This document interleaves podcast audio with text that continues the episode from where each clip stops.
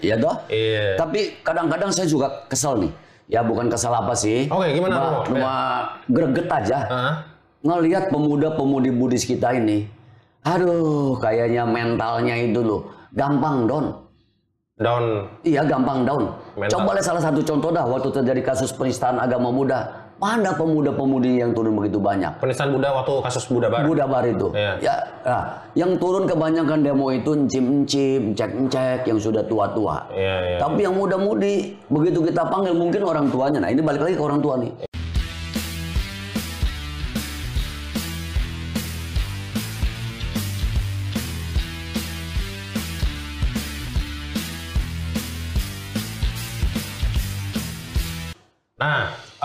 Agak sedikit lebar dari isu Iya. Borobudur ya. Saya sudah dapat konklusinya bahwa eh, kita harus bersatu di momentum ini. Iya. Tapi saya mau coba melebar sedikit tadi ke soal agama Buddha itu kan tadi Romo sempat singgung bahwa umat Buddha ini sedikit jumlahnya. Hmm. Begitu loh.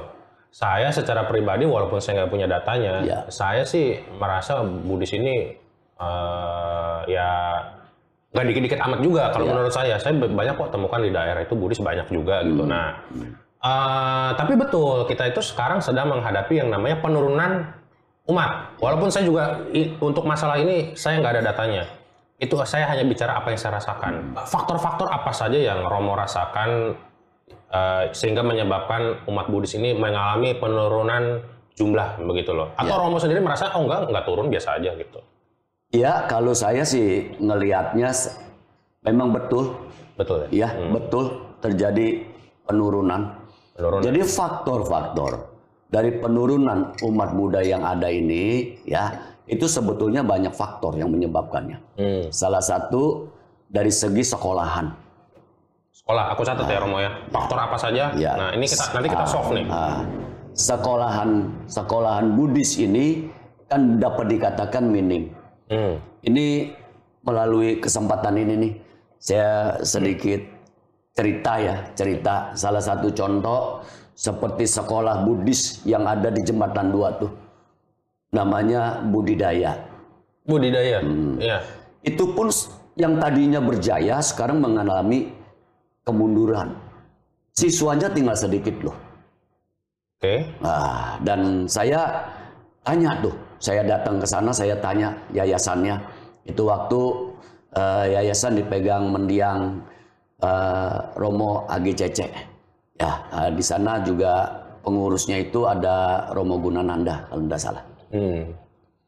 Jadi cerita ini agak mereka yayasan juga ketemu kesulitan. Yang pertama, kalau sekolahan ini dengan SPP ya, SPP biaya SPP-nya itu eh, yang di, yang yang ditentukan oleh pihak yayasan, banyak siswa-siswa orang tua siswa merasa keberatan, merasa keberatan. Kalau boleh tahu kasarannya berapa Romo? Contoh, ada sebetulnya dibilang tinggi sekalipun enggak. Seumpama mereka taruh 600 ribu per bulan. Ini untuk tingkat SMP. Ya, 600 ribu per bulan. Nah ini ada siswa, orang tua siswa itu terkadang nawar. Oleh pihak yayasan, karena nawar kemudian dengan alasan yang masuk di akal, oleh pihak yayasan diturunkan. Hmm. Contoh sampai 300 ribu. Oh, diskon 50%. Iya, diskon 50% sampai 300. Segitunya ya sampai supaya demi dapat murid Buddhis ya. Betul. Ah. Nah, ini kan semata-mata untuk menjaga agar tetap umat Buddhis ini tidak ke mana-mana. Yes. Tapi sisi lain, kita kan tahu operasional wihara ini kan membutuhkan biaya, Pak. Iya. Gurunya harus ada bayaran, Iya. betul kan? Iya. Perawatan-perawatan sekolah dan seterusnya. Karena kemurahan hati dari yayasan ini, maka pihak siswa ini mendapat SPP yang cukup murah. Hmm. Alhasil apa? Alhasil sekolahannya tidak terurus dengan baik.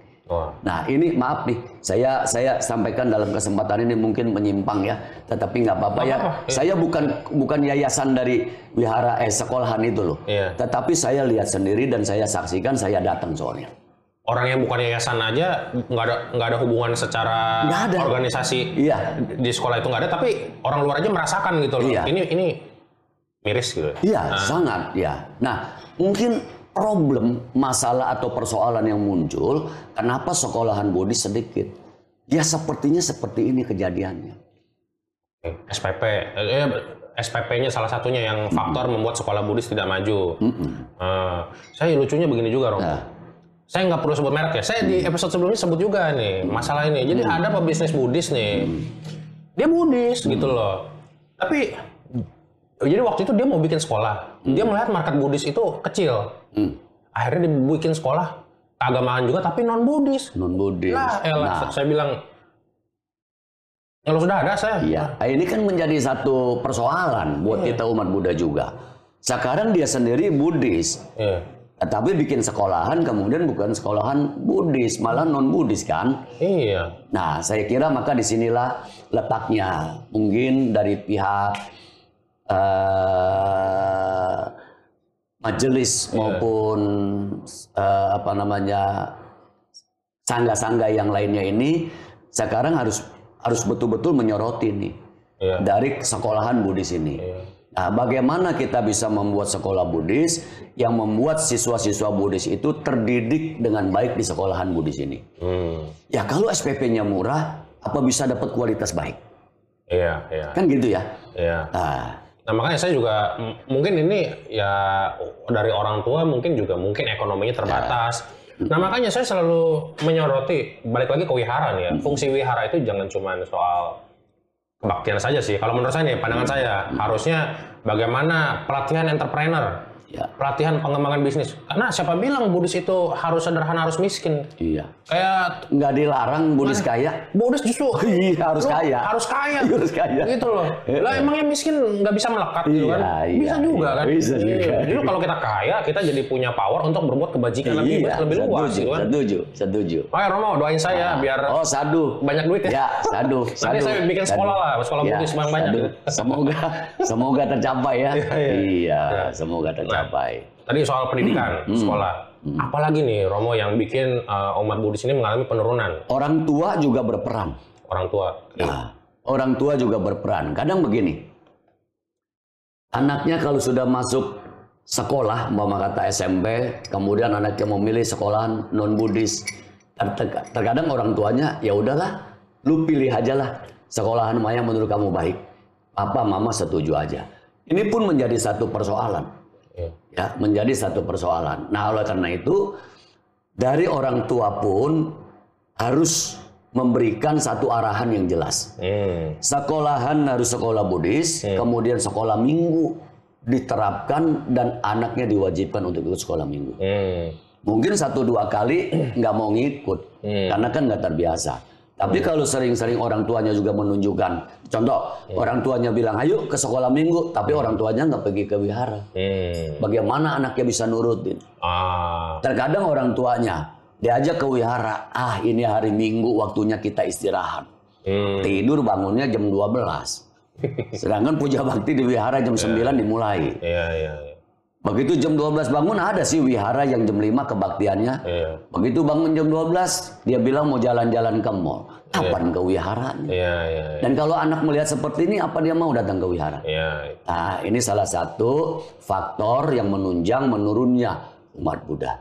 Jadi orang tua itu juga harus bisa mengarahkan anaknya gitu loh. Iya. Supaya tetap di jalan Buddha Dharma gitu loh.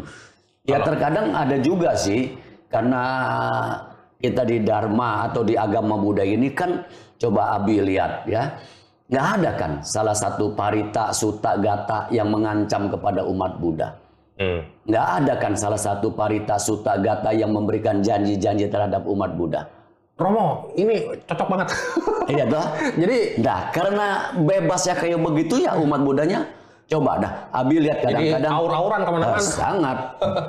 Ada yang datang ke wihara, bajunya nggak pantas dipakai, dia pakai. Iya, Celana pendek dan seterusnya. Iya, iya, iya. Kan nggak menggambarkan seorang umat Buddha Hmm.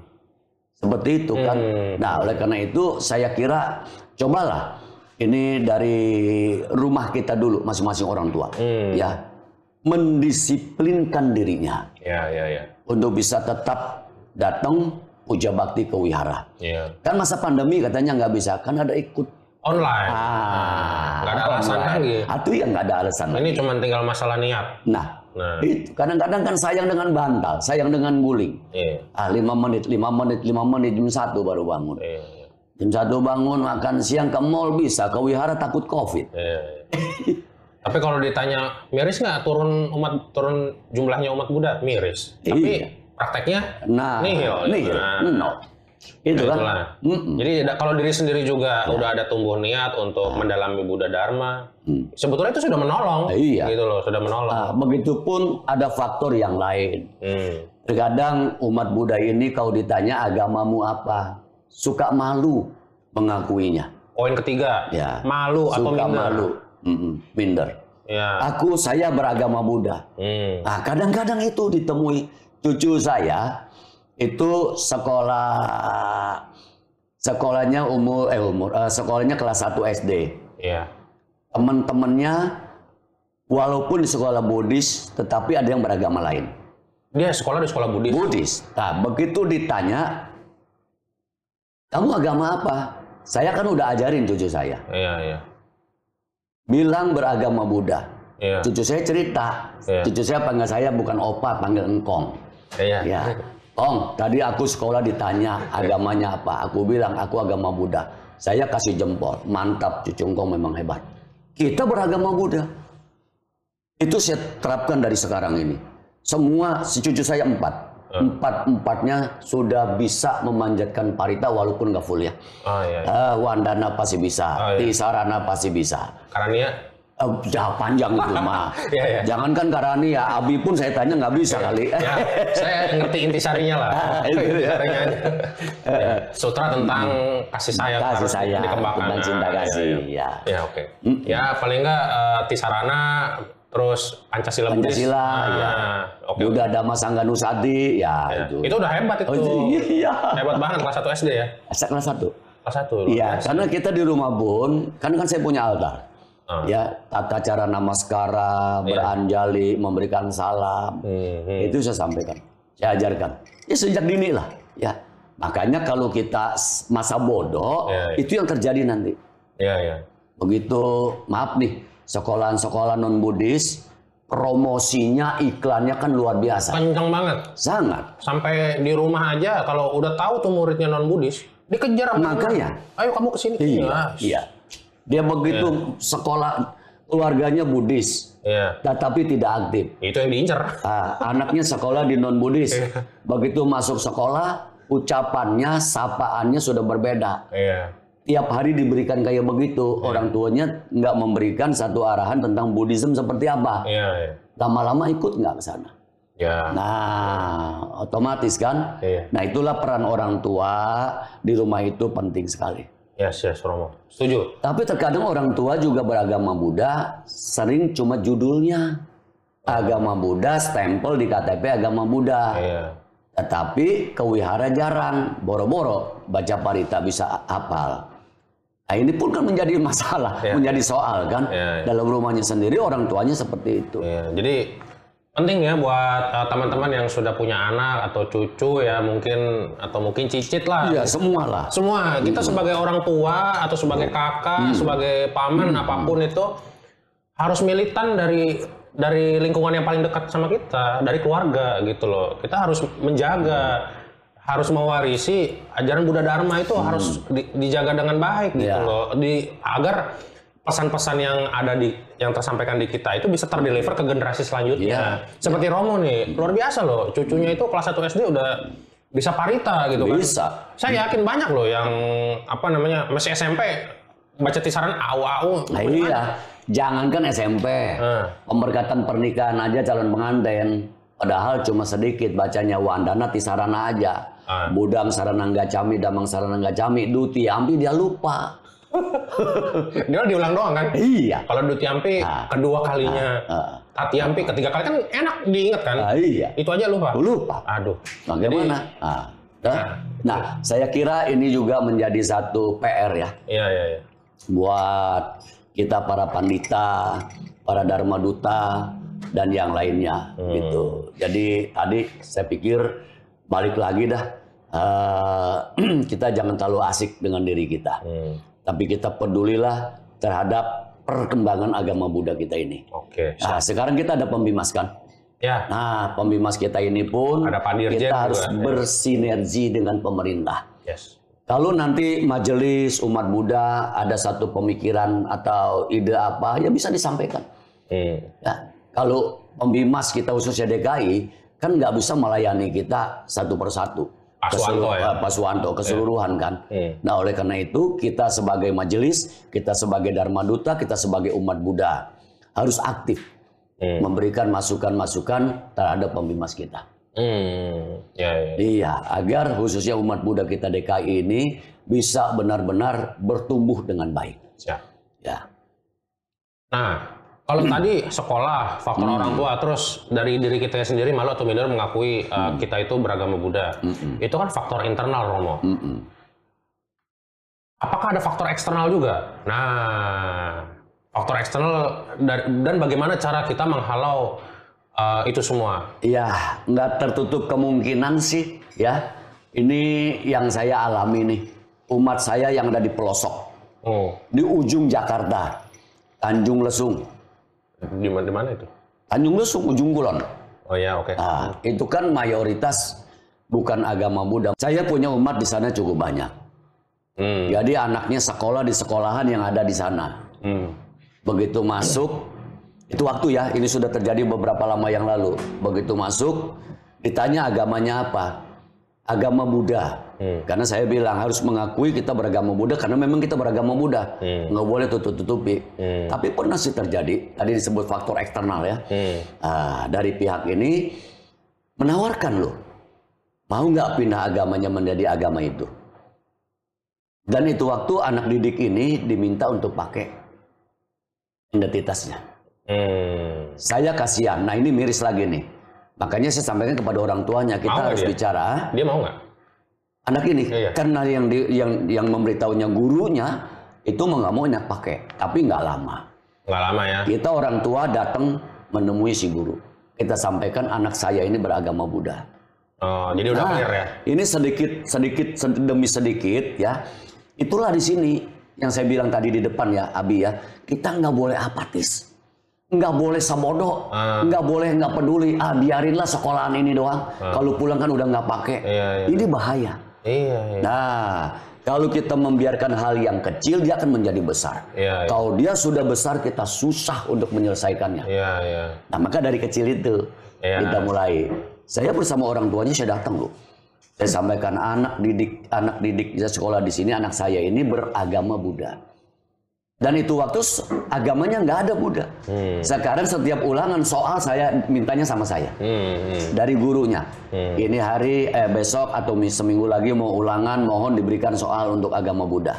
Saya buatkan. Hmm. Nah, oleh karena itu, kembali lagi tadi yang disebut faktor eksternal ini ya, bukan nggak ada, ada, Ada. ada. Ada. Ah, Tapi maka ini, ini baru satu nih. Ah. Yang kasusnya mirip kayak yang kemarin di Padang kan? iya. Ini kan mirip Itu- di Padang kan? Nah, iya, mirip A- loh. Artinya bukan bukan cuman di sini doang. Heeh. Di mana-mana ada mungkin banyak Ada. faktor eksternal itu. Ah, hanya aja kemungkinan dari orang yang terdampak persoalan ini nggak mau cerita. Hmm. Kan gitu. Tadi ya udahlah masa bodoh aja. Biar aja nggak apa-apa nanti sudah sekelas gini kita pindahkan dan seterusnya. Ya, orang muda kan kadang ya udahlah yang penting berbuat baik, sucikan hati dan pikiran. Mau pindah ya nggak apa-apa. Ya punah nanti. Ah, punah. Eh punah, betul. Betul. Iya, aduh. Nah, faktor eksternal satu tadi. Kedua, ada ada apa lagi Romo? Ya begitupun dengan lingkungan ya. Lingkungan. Maka kita pun di lingkungan kita kita jangan malu kita mengakui kita beragama Buddha. Oke. Saya di daerah saya kompleks saya saya kenalkan loh. Saya pemuka agama Buddha. Kompleknya di mana Romo? Saya ada di Serpong, Serpong. Villa Melati. Oh iya. Ya. Ah, iya. Terus kalau rumah saya yang sesungguhnya ada di Dan Mogot, Budi Indah. Ah, Nah, di situ pun orang sudah kenal saya ini Romo Sumedo pemuka agama Buddha. ah. Saya nggak pernah nggak pernah minder dan malu. Memang kenyataannya seperti itu. Iya, iya, iya. Karena saya bilang saya ini orang hebat. Ah, Iya toh? Iya, iya. Ah, iya kita kalau bilang kita nggak hebat, bagaimana kita bisa berhasil dalam hal apa pun juga? artinya maksud tersiratnya adalah kita harus pede. Ah, iya dong, iya. Iya, iya, oke. Makanya setiap orang tanya Romo Sumejo terkenal dengan kegantengannya. Memang saya ganteng. Iya, Romo. iya dong. Makanya tadi saya bilang saya kaget umur 60 padahal masih kayak baru 40 aja nih. Nah, Hmm, seneng banget Romo ya. iya, harus semangat. Romo seneng karma baik saya nambah. Romo. Ah, usia kita boleh tua. Eh, Semangat harus tetap muda. eh. Semangat sih semangat, tapi kalau tidak didukung oleh yang muda-muda, bagaimana semangat ini bisa bertahan? Eh, Iya toh? Nah, saya kan nggak bisa selamanya Eh, iya, iya. Untuk menunggui semuanya ini. Kan dikit terus kan berjalan, ber- ber- ber- apa namanya? bergerak, bergerak, bergerak. Iya. Saya ingat nih waktu kejadian penistaan agama, ya Buddha Bar itu loh.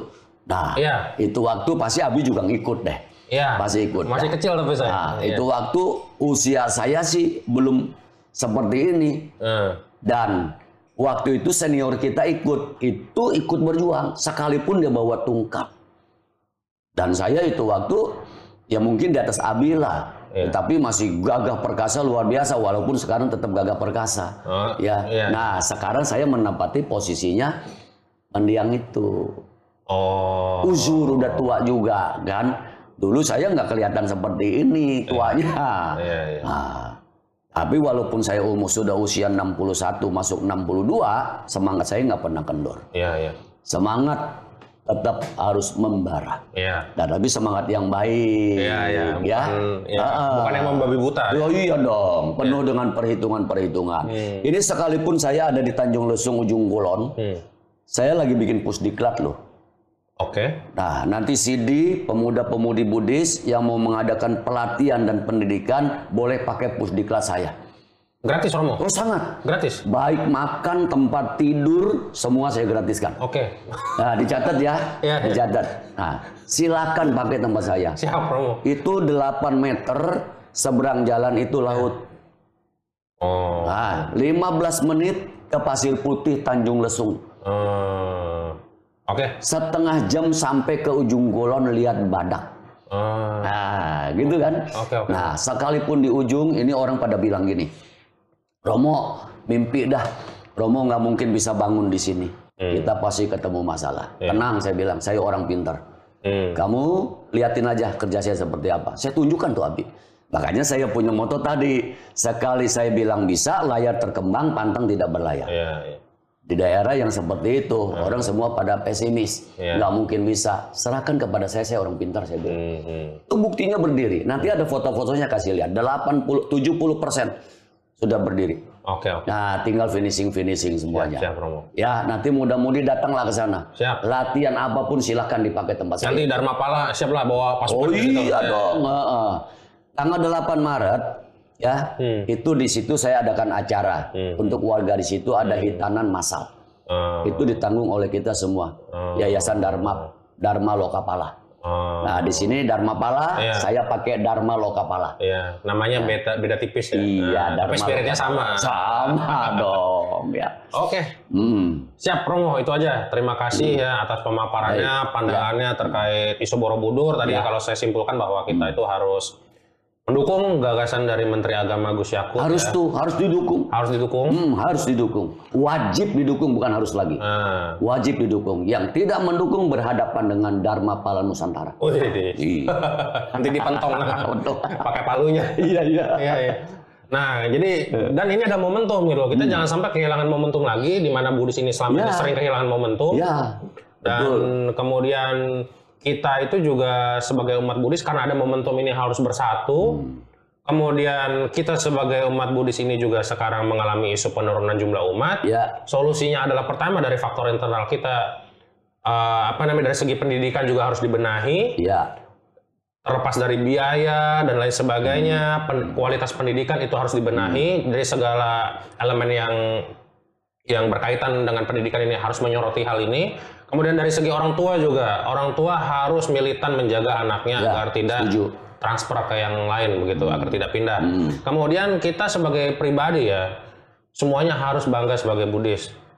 Ditanya agama lu apa? Oh Buddhis. Iya Apa lu? dong. Itu. Oh iya, kalau perlu tempel di sini. Iya. Saya Buddhis. Iya. Ah, iya toh? Iya. Tapi kadang-kadang saya juga kesel nih. Ya bukan kesal apa sih. Oke, gimana, Cuma, cuma greget aja. Hah? Ngelihat pemuda-pemudi Buddhis kita ini. Aduh, kayaknya mentalnya itu loh. Gampang down.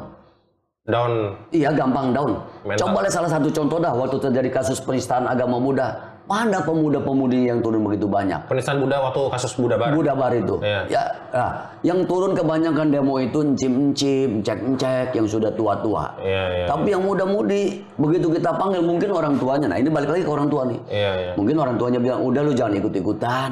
Jangan belagu, jangan ikut-ikutan, kita tongin, kita tenggelam dan seterusnya." Ini udah nggak zaman. Iya, iya, iya. Udah nggak zaman kita adalah warga negara Indonesia keturunan Tionghoa. Ah. Kan begitu? Hmm. kita wajib membela hak martabat agama kita dan kita punya suku. Hmm. Oleh sebab itu kita nggak boleh minder. Iya, iya, iya. Bergabung. Nah, tuh kadang-kadang juga orang tua bilang, ini politik, ini politik, ini dibuang jauh-jauh deh. Iya, iya, iya. Udah nggak musim dan nggak zaman. Iya. Itu udah kuno, itu udah usang. Kalau kita masih berpikiran seperti itu, percayalah kita akan ketinggalan. Iya. Tidak pernah akan maju dan selamanya kita Tenglang Tionghoa akan selalu menjadi warga yang tertindas. Ah. Setuju nggak? Iya, setuju. Ah. Kita kalau misalnya nggak melek politik nih, kita yang dipolitikin sama Nah yang iya, lain. iya gitu dimanfaatkan loh. dimanfaatkan jadi, Ah. jadi karena kita apatis jadi dia Nah, karena kita nah. jadi kita terlalu polos Iya. jadi digrogotin gitu loh. Digerogotin, kan jadi bantalan paling empuk. Karena kita diam. Iya, iya. Atau makanya karena itu kita nggak boleh diam. Iya, iya. Nah, contoh salah satu lagi nih ya. Ya. Jadi kita bukan bicara soal suku, suku Ya, Tionghoa aja nih. Ya. Sekarang kita di, di, di- di dalam satu tataran bicara agama Buddha kan. Mhm. Nah, begitu pun dengan Borobudur. Hmm. Jangan diam. Hmm. Udah ada wacana dilempar sambar buru-buru. Ya. Ambil buru-buru. Ya. Kan begitu. Kalau enggak, kita hanya jadi wisatawan loh. Iya. Datang ke sana lihat-lihat orang injek-injek candi, Iya. Borobudur Iya. ya, Rupang Buddha di rogo-rogo dan seterusnya. Iya, iya. Kan begitu kan? Iya. Buang puntung rokok sembarangan. Iya. Coba dah kalau Meludah ada lagi. ah meludah lagi. Iya. Kadang-kadang kalau kita lihat tuh orang kebelet pipis dia Waduh. nyelip ke candi dia kencingin di situ, dia pipis di situ. Romo pernah lihat tuh orang Hai, bukannya pernah lihat lagi. Cuma kita mau daya apa? Iya. Tapi kalau itu sudah menjadi satu tempat ibadah Buddhis, kita atur dengan satu peraturan Iya, Buddhis. iya.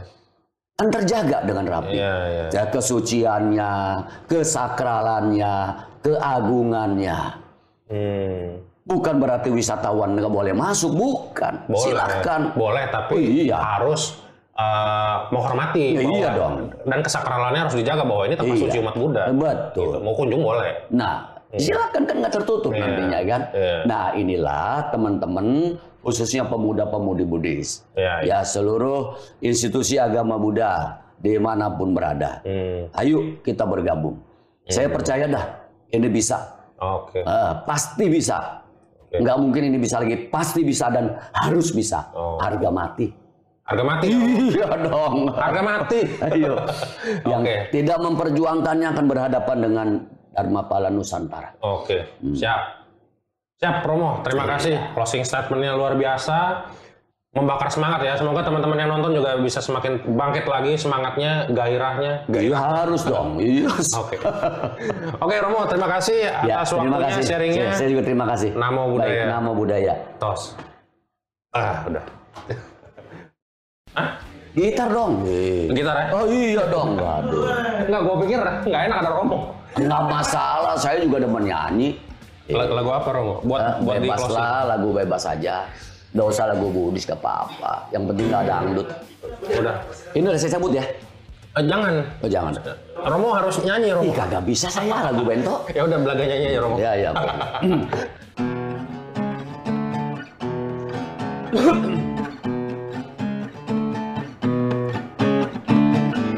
Namaku Bento, rumah real estate, mobilku banyak, harta berlimpah, orang memanggilku bos eksekutif, toko papan atas, atas segalanya. Asik. Wajahku ganteng, banyak simpanan, sekali lirik, oke sajalah, bisnisku menjajal, jagal apa saja, yang penting aku senang, aku Aku menang persetan orang susah Karena aku yang penting asik Sekali lagi asik